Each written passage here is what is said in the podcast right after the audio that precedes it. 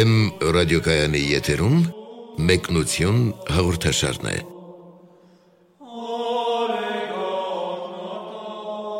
Սիրելի ունկնդիրներ, Վեմ ռադիոկայանի եթերում մեկնություն հաղորդաշարն է, որի ընթացքում ներկայացնում ենք Աստվածաշնչի առանձին գրքեր, դրանց առավել կարևոր հատվածների բացատրություններով։ Ձեզ հետ են արժանապատիվ Տեր Մեսրոպ Քահանա Արամյանը եւ Արա Սարգսակ Նալչաջյանը։ Այսօր կխոսենք Սուրբ Պողոս Առաքյալի Կորինթացիներին ուղված առաջին թղթի 8-րդ եւ 9-րդ գլուխների մասին, որտեղից ընտրել ենք հետեւյալ բնաբանը. ով սիրում է Աստծուն, նա ճանաչված է նրանից։ Օշնյա Տեր հայր։ Աստված օրհնի։ Տեր հայր սկսելով 8-րդ գլուխը առաքյալը բարձրացնում է մի խնդիր, որ շատ կարևոր էր, թերևս իր ժամանակահատվածում առավել կարևոր, թե որքան կարևոր մեր ժամանակահատվածում այդ մասին կխոսենք, սակայն իր ժամանակահատվածի համար շատ կարևոր մի հարց, քանի որ կռապաշտության շրջանից էր, այդ վիճակից էր, որ մարդիկ դառնում էին Աստծուն, եւ ահա առաքյալը խոսում է կուրքերին արված զոհերի եւ այդ զոհերից օգտվելու, դրանք ճաշակելու, դրանց ուտելու մասին։ Այսպես է ասում նա. իսկ այժմ կուրքերին արված զոհերի մասին։ Ոմանք ասում են այդ մասին մենք անհրաժեշտ գիտենք։ Գիտությունը հպարտացնում է, բայց սերը հաստատում է։ Եթե մեկը կարծում է, թե բան գիտե, դեռ չգիտե իսկ ինչպես պետք է գիտենալ բայց ով սիրում է Աստծուն, նա ճանաչված է նրանից։ Ինչ վերաբերում է կուրքերին զոհարվածները ուտելուն, գիտենք, որ այս աշխարհում կուրքերը ոչինչ են, որովհետև չկա ուրիշ Աստված, բացի միակ Աստծուց։ Թեպետև այսպես կոչված Աստվածներ կան թե երկնքում եւ թե երկրի վրա, արդարև կան բազում Աստվածներ եւ բազում տերեր։ Բայց մեզ համար միայն մեկ Աստված կա։ Հայր, որ ստեղծել է ամեն բան, եւ մենք ապրում ենք նրանով։ Եվ միայն մեկ Տեր Հիսուս Քրիստոս, որի միջոցով ստեղծվեց ամեն ինչ, եւ մենք ապրում ենք նրանով։ Ուրեմն կուրքերին զոհվածների վերաբերյալ ի վերջո ինչպեսին է առաքյալի մտածումը կարելի է թե չի կարելի ճաշակել կուրքերին զոհվածը ուրեմն այս մասին առաքելական թղթերում խոսվում է մի քանի տեղերում այդ թվում նաև Կորինթացոս թղթում եւ առաքյալը ասում է որ եթե հստակություն չկա այդ մսի ցակման վերաբերյալ ուրեմն կարելի է հետմասերից օգտվել եւ խղճմտանք չունենալ։ Քանի որ այդ ժամանակ շուկայում վաճառվող մսերի մի զգալի մասը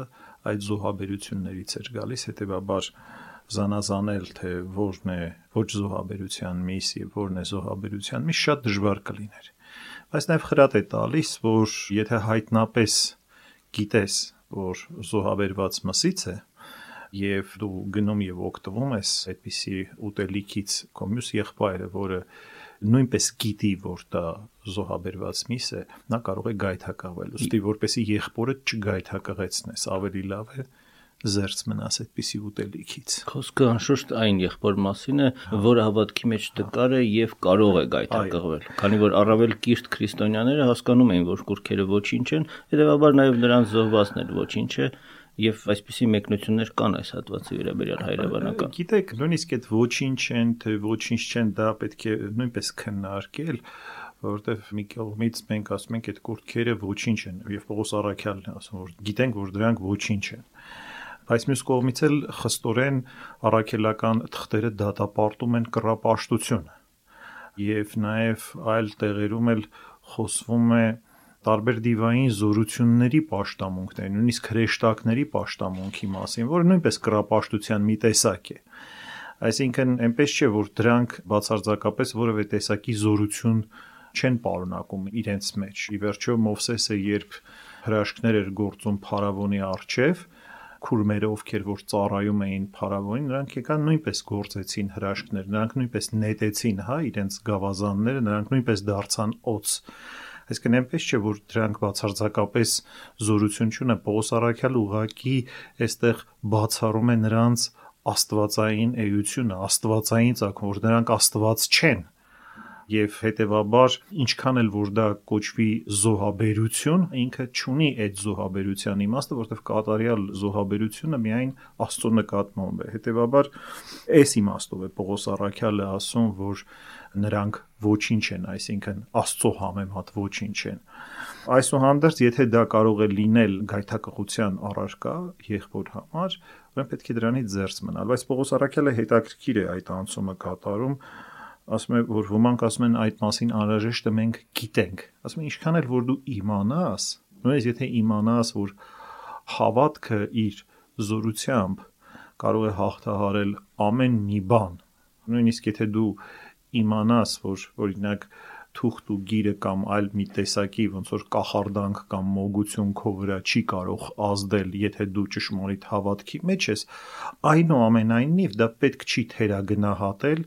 եւ նամանավանդ որ դա կարող է գայթակղության առարկա լինել մեկ ուրիշի համար։ Ուզում եմ ասի, որքան էլ որ իմանաս, որ դրանք իրենց մեջ զորություն չունեն, աստվածային ցակում չունեն, այնուամենայնիվ պետք է զգուշությամբ այդ ուտելիքին մոտենաս, որտեվ դու պիտի նայես ում ես գայթակղեցնում դրանով։ Այսինքն ինչքանով է դա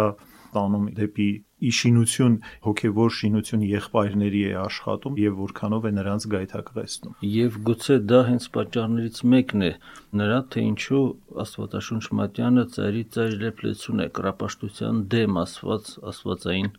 խոսքերով, թե ին կտակարանում եւ թե նոր կտակարանում Եվ վերջո, երբ կարդում ենք Աստվածաշունչը, սկսյալ 5 կտակարանից, հենց թերևս ամենավառ տպավորությունը դա է, որ Աստված խստորեն պատվիրում է կորքեր չպաշտել, այլ պաշտել միայն ճշմարիտ Աստծուն, իրեն այսինքն։ Եվ թերևս այլ պատճառներ եւս իհարկե կարելի է շեշտել այս շարքում, թե ինչու է Աստված այդպես վերաբերում, դերեր, բայց այս խոսքերի մեջ ես կուզենայի եւս մեկ շեշտադրում առանձնացնել՝ սիրո եւ գիտության փոխհարաբերությունը գլոբալ մի շեշտադրում, որ բոլոր դարերում եղել է։ Հա տեսնում ենք, որ առաքյալի ժամանակաշրջանում եւս եղել է եւ այսօր եւս գիտության զարգացման այս դարում կա։ Գիտությունը հպարտացնում է, իսկ սերը շինություն է անում ինչպես էր դրսևորվում դա այս պարագայում առաքյալի բերած օրինակում եւ ինչպես է դրսևորվում կյանքում առհասարակ սա շատ խորը իմաստություն է եւ եկեղեցու հայրերի գրվածքները լի են հենց այս խոսքերի անընդհատ տարբեր տարատեսակ մեկնաբանություններով։ Իսկապես առանց հոգևոր գիտակցության ճանաչողությունը հպարտացնում է եւ նույնիսկ չորացնում է մարդու հոգին։ Որովհետեւ ի վերջո ուր պիտի տանի մեզ ճանաչողությունը։ Ճանաչողությունը պիտի տանի առաստված։ Եթե այն չի առաջնորդում առաստված դեպի սիրո աղբյուր, ուրեմն այդ ճանաչողությունը իր մեջ ունի ակնհայտ սխալներ Այստեղ առաքյալը ասում է, որ ճանաչողության բնույթը ընդհանրապես այնպիսին է, որ եթե ինքը խարսխված չէ լուրջ հոգևոր գիտակցության վրա, ինքը հպարտացնում է։ Այսինքն դու այդ ճանաչողությունը համարում ես մի բան, քեզ համարում ես մի բան այդ ճանաչողությամբ հանդերձ եւ կարող ես աստծուց դուրս իրականության մեջ հայտնվել։ Դրա համար ասում է, որ առանց սիրո, առաքյալի ասածը էս է, որ առանց սիրո ճանաչողությունը ոչինչ է առանց սիրո ճանաչողությունը ծուղակ է սիրով ճանաչողությունը դա լուսավորություն է արդեն որովհետև Քրիստոս մեկ այլ տեղում էլ ասում է եւ կճանաչեք ճշմարտությունը եւ ճշմարտությունը կազատից է ուրեմն նշանակում է ճիշտ ճանաչողությունը, որը ուղղված է դեպի ճշմարտությունը, դա ազատարար է մարդու համար, Աստված չի ժխտում ճանաչողությունը չի ասում, որ ընդհանրապես պետք չի ճանաչել, բայց պետք է ճանաչել վայելուչ բաներ, պետք է ձգտել դեպի ճշմարտություն կամ քո վեկտորը դեպի ճշմարտությունը պիտի լինի։ Այդ միայն այն դեպքում է, եթե դու սիրով ես առաջնորդվում կամ քո ճանաչողության հիմքը սերն է։ Բայց միշտ կա այս հակադրությունը, այսինքն միշտ կա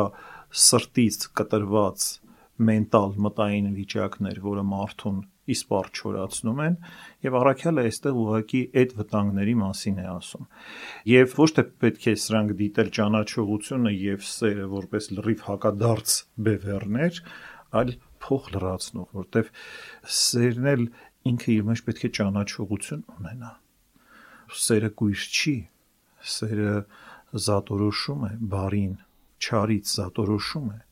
եւ մոլերանդություն չէ կամ զգացմունքային մի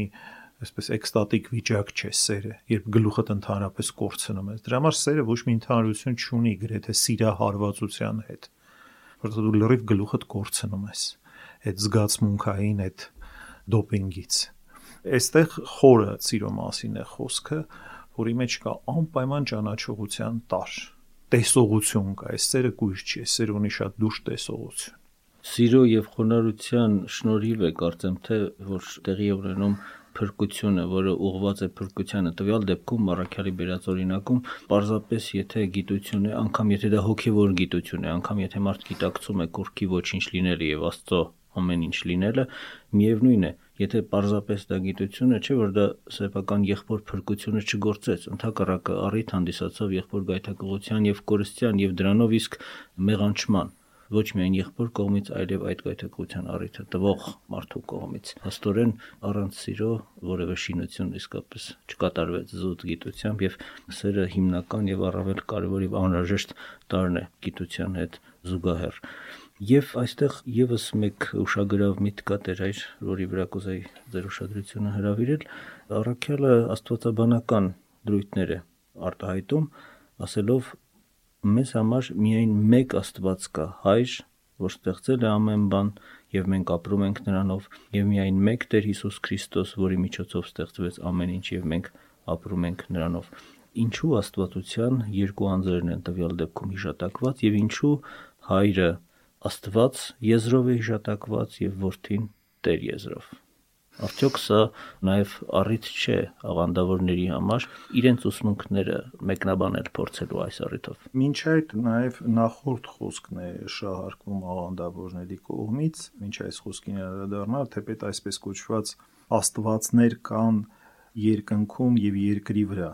արդարև կան բազում աստվածներ, բազում տերեր, նոր դրանից հետո նա անցում կատարում, բայց մեզ համար մեկ Աստված Ուրեմն սա իհարկե շահարկվում է, օրինակ մորմոնների կողմից է սա շահարկում ավասիկ բազմաթիվ աստվածների մասին է գնում խոսքը եւ այլն։ Բայց առաքյալը հստակ այստեղ խոսում է այսպես կոչված աստվածների մասին կամ այսպես կոչված տերերի մասին, բազում աստվածներ կամ տերեր։ Այսինքն աստված բառը այստեղ գործածում է ոչ թե իր բացարձակ իմաստով, այլ որևէ կուրք իմաստով, որևէ զորություն իմաստով, այսինքն մի բան, որի նկատմամբ առաջանում է այսպես կոչված պաշտամունքային ինչ որ տար, պաշտամունքային ինչ որ դրսևորում։ Մարդուն էլ են, չէ, աստվածացնում եւ աստված են անվանում, ասենք ինչպես հռոմեական կայսրերին են անվանել կամ փարավոններին են աստվածային ցակում տվել բայց նրանք բացարձակ իմաստով բնական է որ աստված չեն ուրեմն այսպես կոչված աստվածների մասին է եւ այսպես կոչված տերերի եւ դրա համար հոգնակիով է դրված աստվածներ եւ տերեր ասում է շատ կան լիքն են շատ կան կարող է շրջել եւ տեսնել բայց մեզ համար մեկ է, այսինքն այդ շատ բաները, որոնք ունեն որոշակի տնորինական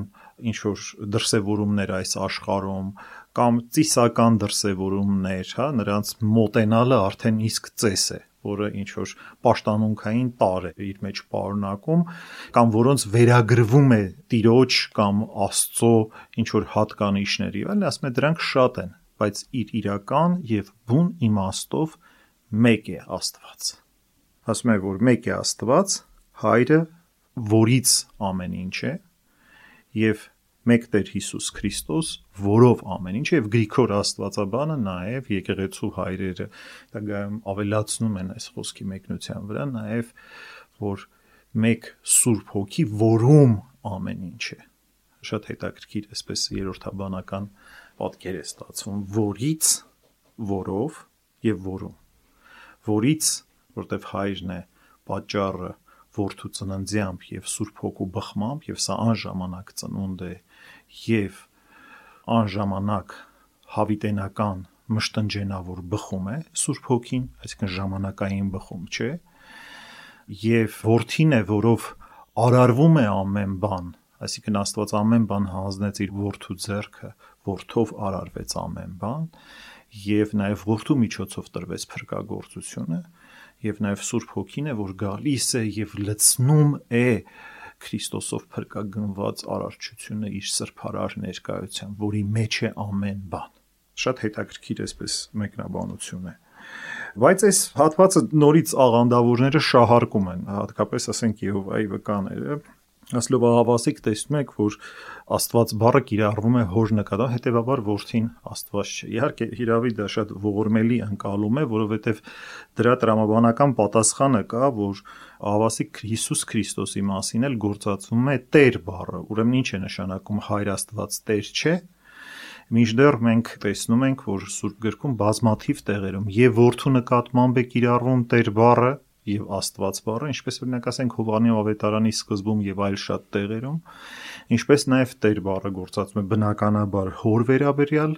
եւ Աստված բառն է գործածում եւ նաեւ Սուրբ Հոգու նկատմամբ են այս գոյականները կիրառվում կամ ածականները Տեր եւ Աստված բազմաթիվ տեղերում։ Էնպես որ առանձնացնել, քանի որ հոր վերաբերյալ նշվեց Աստվածությունը, իսկ որդու վերաբերյալ Տեր բառը նշվեց, չի կարելի իրարից։ Եվ ավելին, հենց սրանք բոլորն էլ Աստվածային բնությունը բնորոշող բառեր են, բնորոշող ստորոգելիներ են եւ եթե որևէ տեղ Տեր կամ Աստված կամ այլ ստորոգելի Աստվածային գործածում է, ակնհայտ է, որ այստեղ խոսքը Աստծո մասին է։ Այստեղ նաեւ կարեւոր է որից, որով։ Հասկանում եք, թե որովը չկա, այսինքն որի միջոցով դու Տեր բառը չես կարող անցալել։ Այսինքն որովը նա է, որը որ տիրություն է անում իր տնորինական փրկagorցությամբ։ Խնամում է քեզ, գալիս է, քեզ տիրություն է անում, որից ծակումնաբանություն է։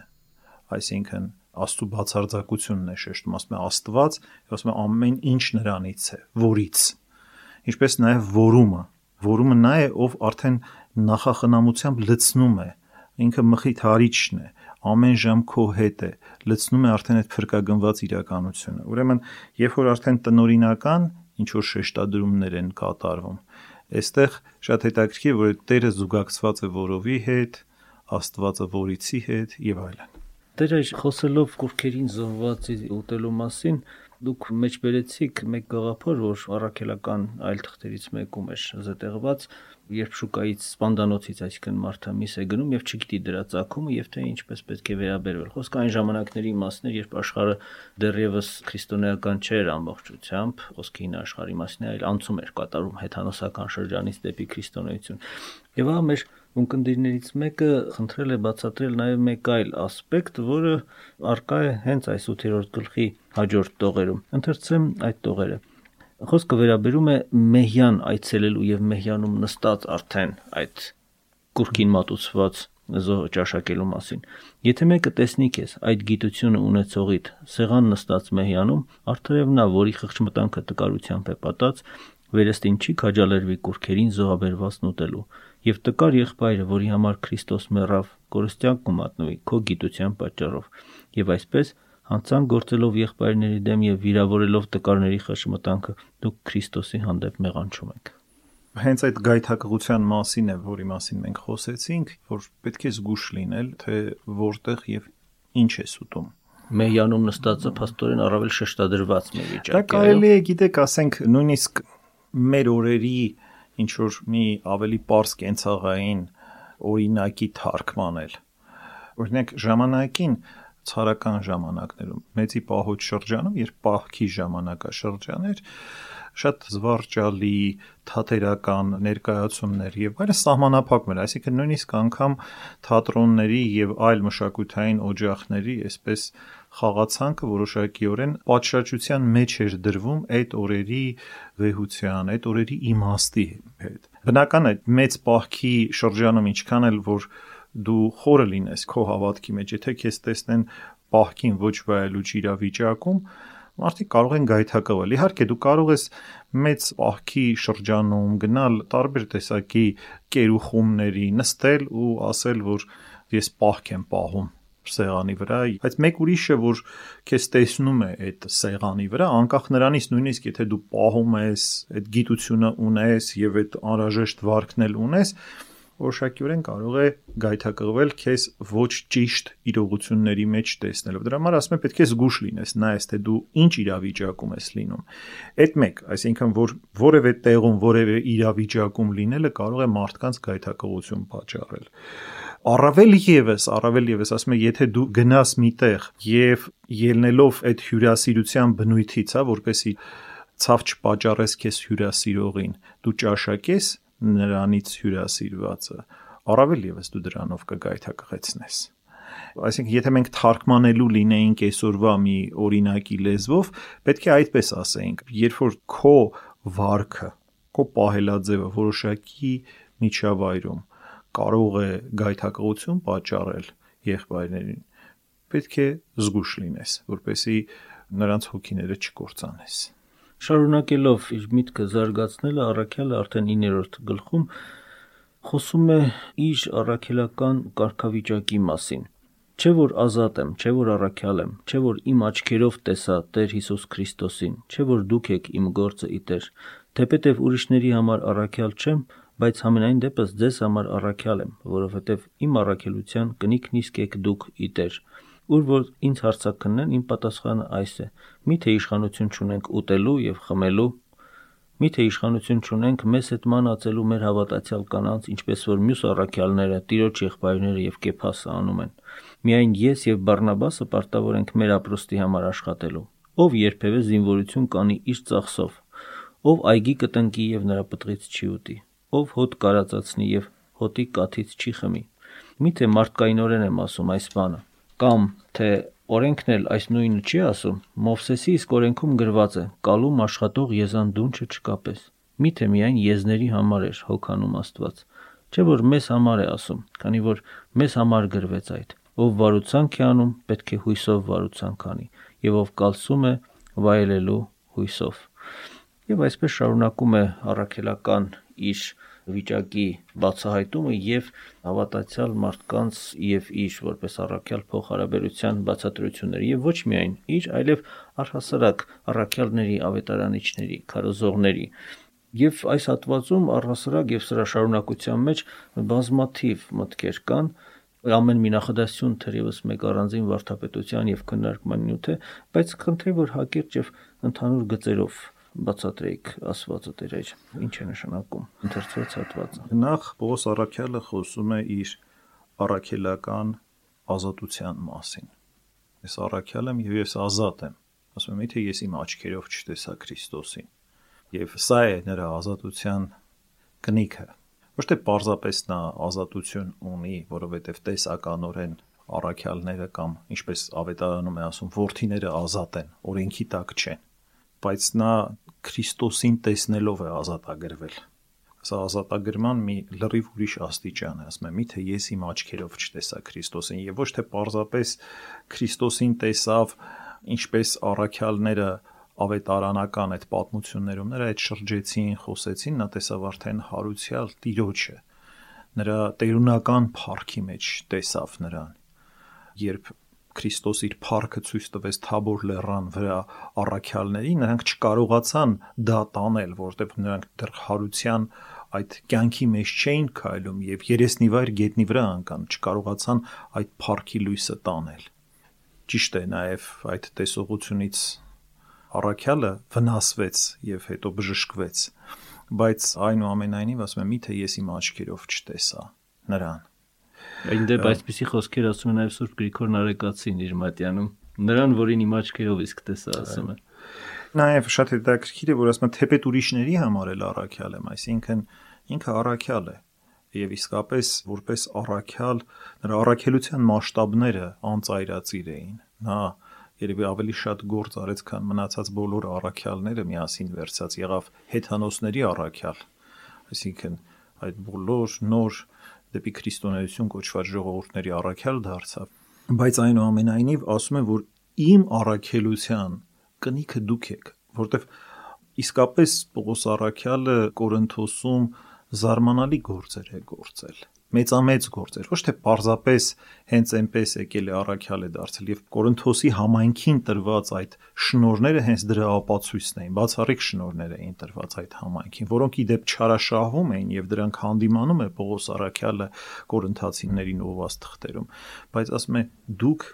իմ առաքելության կնիքն եք, իմ ազատության ապացույցն եք, դուք իմ առաքելության վկայությունն եք Աստծո առաջ եւ կարծես թե այդ պարագայում արդարանալու որևէ խնդիր չկար։ Առաքյալը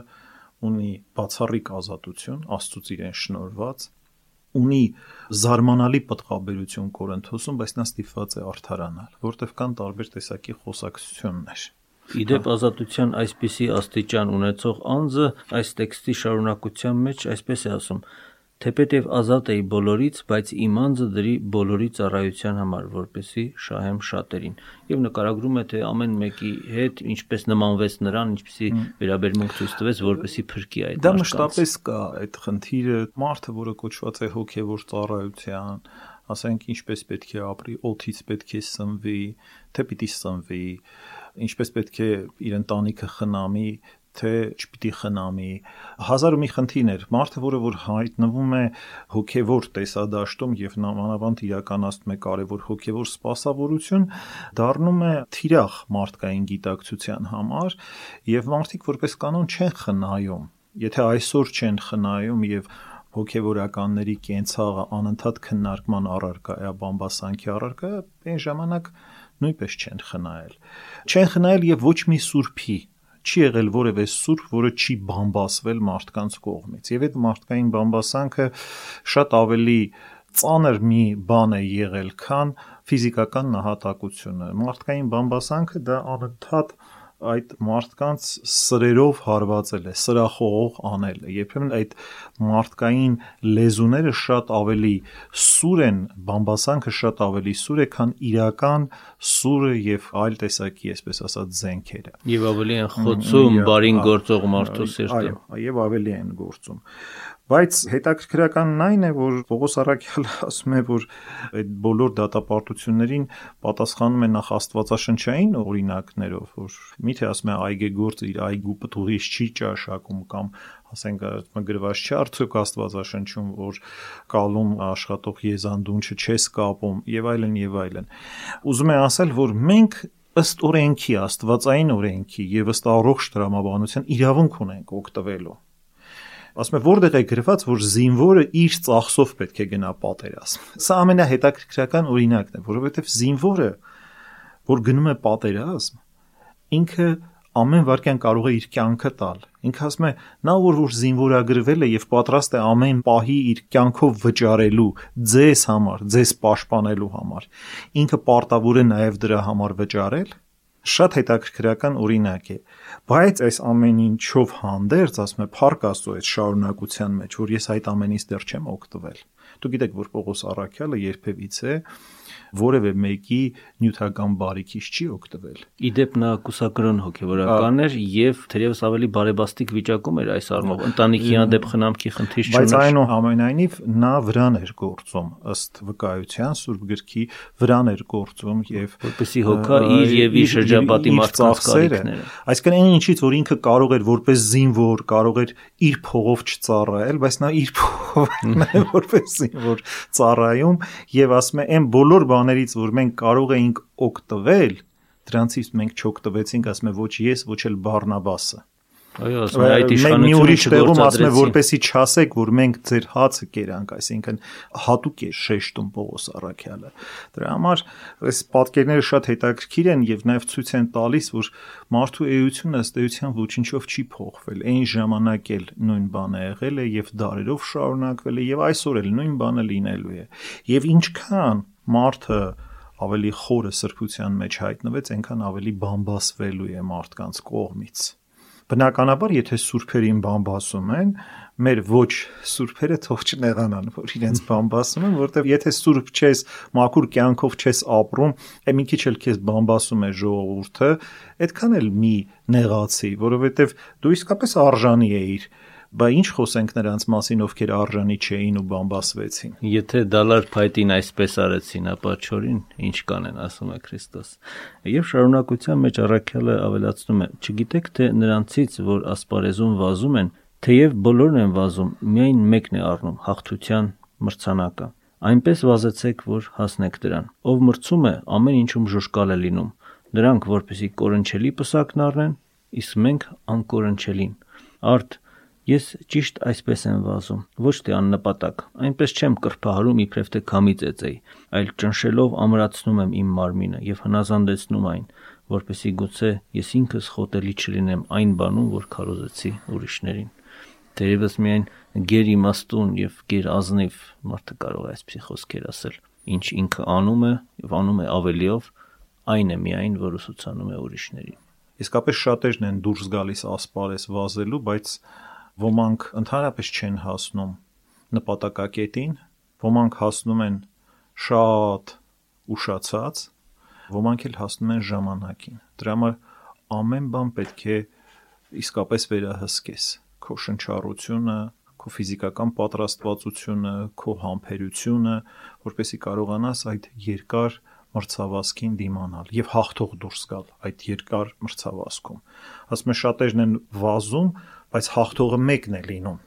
Կարող է շատերը փորձ անեն, բայց հաղթողը իսկապես մեկն է լինում։ Պաստորեն հոգևոր կյանքը այստեղ այդ մրցման օրինակով է ներկայացում եւ ուրեմն ըստ էության նմանություն կա, որ այդ օրինակն է բերում առաքյալը։ Այստեղ առաքելական խոսքը նաեւ ուղղված է իրեն քննադատողներին նաեւ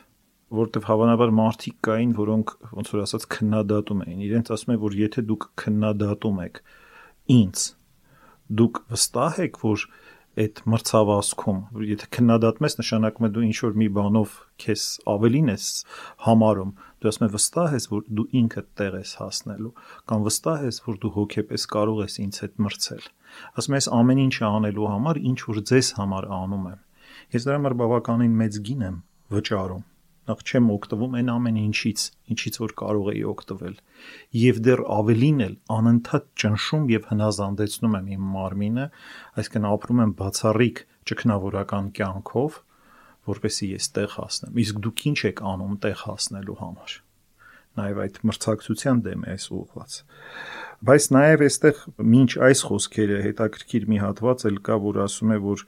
ինքը տարբեր իրավիճակներում եղավ հрьяաների հետ, հեթանոսների հետ, հрьяի հետ հрья եղավ, հեթանոսների հետ հեթանոս եղավ։ Յուրաքանչյուրի կաշվի մեջ մտավ, որպես քրկի նրանցից հա, յուրաքանչյուրին։ Ասում է օրենքի տակ եղողների հետ եղա, ոչ թե նրա համար ասում է, որ ես օրենքի տակ էի, այլ որպեսզի օրենքի տակ եղածներին շահեի։ Եվ այսպես ասած տարբեր իրավիճակներում Պողոս Արաքյալը նկարագրում է թե որ ինքը ստիփված էր տարբեր մարդկանց հետ տարբեր մարդիկ լինել, ոչ թե էությամբ, այլ նրանց իրադրության մեջ մտնել, հա, նրանց կողքին լինել, որպեսի դրանով նրան շահի։ Բայց ասում եմ, որ եթե ես եկա օրենքի տակ եղածի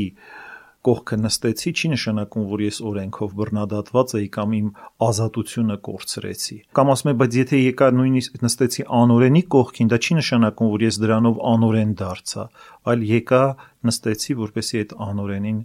կարողանամ բերել հոգևոր դաշտ։ Այլապես ինչպես պետք է նա մարդկանց դարձի բերեր, եթե այդպես չվարվեր։ Մտքի այդպիսի ճկունություն հանդես չբերեր։ Ոչ միայն ճշմարտությունների մեջ հաստատունություն, այլև եւս մեկ դրականատկություն մտքի ճկունություն։ Եվ հետաքրքրական այդ խոսքը թեվավոր խոսք է բոլորի հետ ամեն ինչ եղա, որպեսի թերևս փրկեմ ոմանց։ Եվ սա նաև Պողոս Արաքյալի այդ բացառիկ սիրո ապացույցն է խոսքը մարդկանց նկատմամբ ոչ ոք այդ աստվածային սիրո մեջ արհամարված չէ չկա մեկը որ առաքելական այդ խնամատարության ծիրի մեջ չէ բոլորը տեսանելի են եւ բոլորին փորձում է առաքյալը հասնել Շնորհակալություն Տեր հայր, թույլ տվեք սրանով եզրափակել մեր այսօրվա զրույցը։ Սիրելի ունկնդիրներ, իմ զրուցակիցն էր արժանապատիվ Տեր Մեսրոպ Քահանա Արամյանը։ Մեր այս զրույցի ձայնագրությունը կարող եք լսել Vem ռադիոկայանի ինտերնետային կայքում vem.am հասցեում։ Տեր Բեսրոպի հետ մեր հաջորդ զրույցը նախատեսել ենք Սուրբ Պողոս Առաքյալի Կորինթացիներին ուղված առաջին թղթի 10-րդ գլխի մասին։ Օշնյա Տեր հայր։ Աստված օրհնի։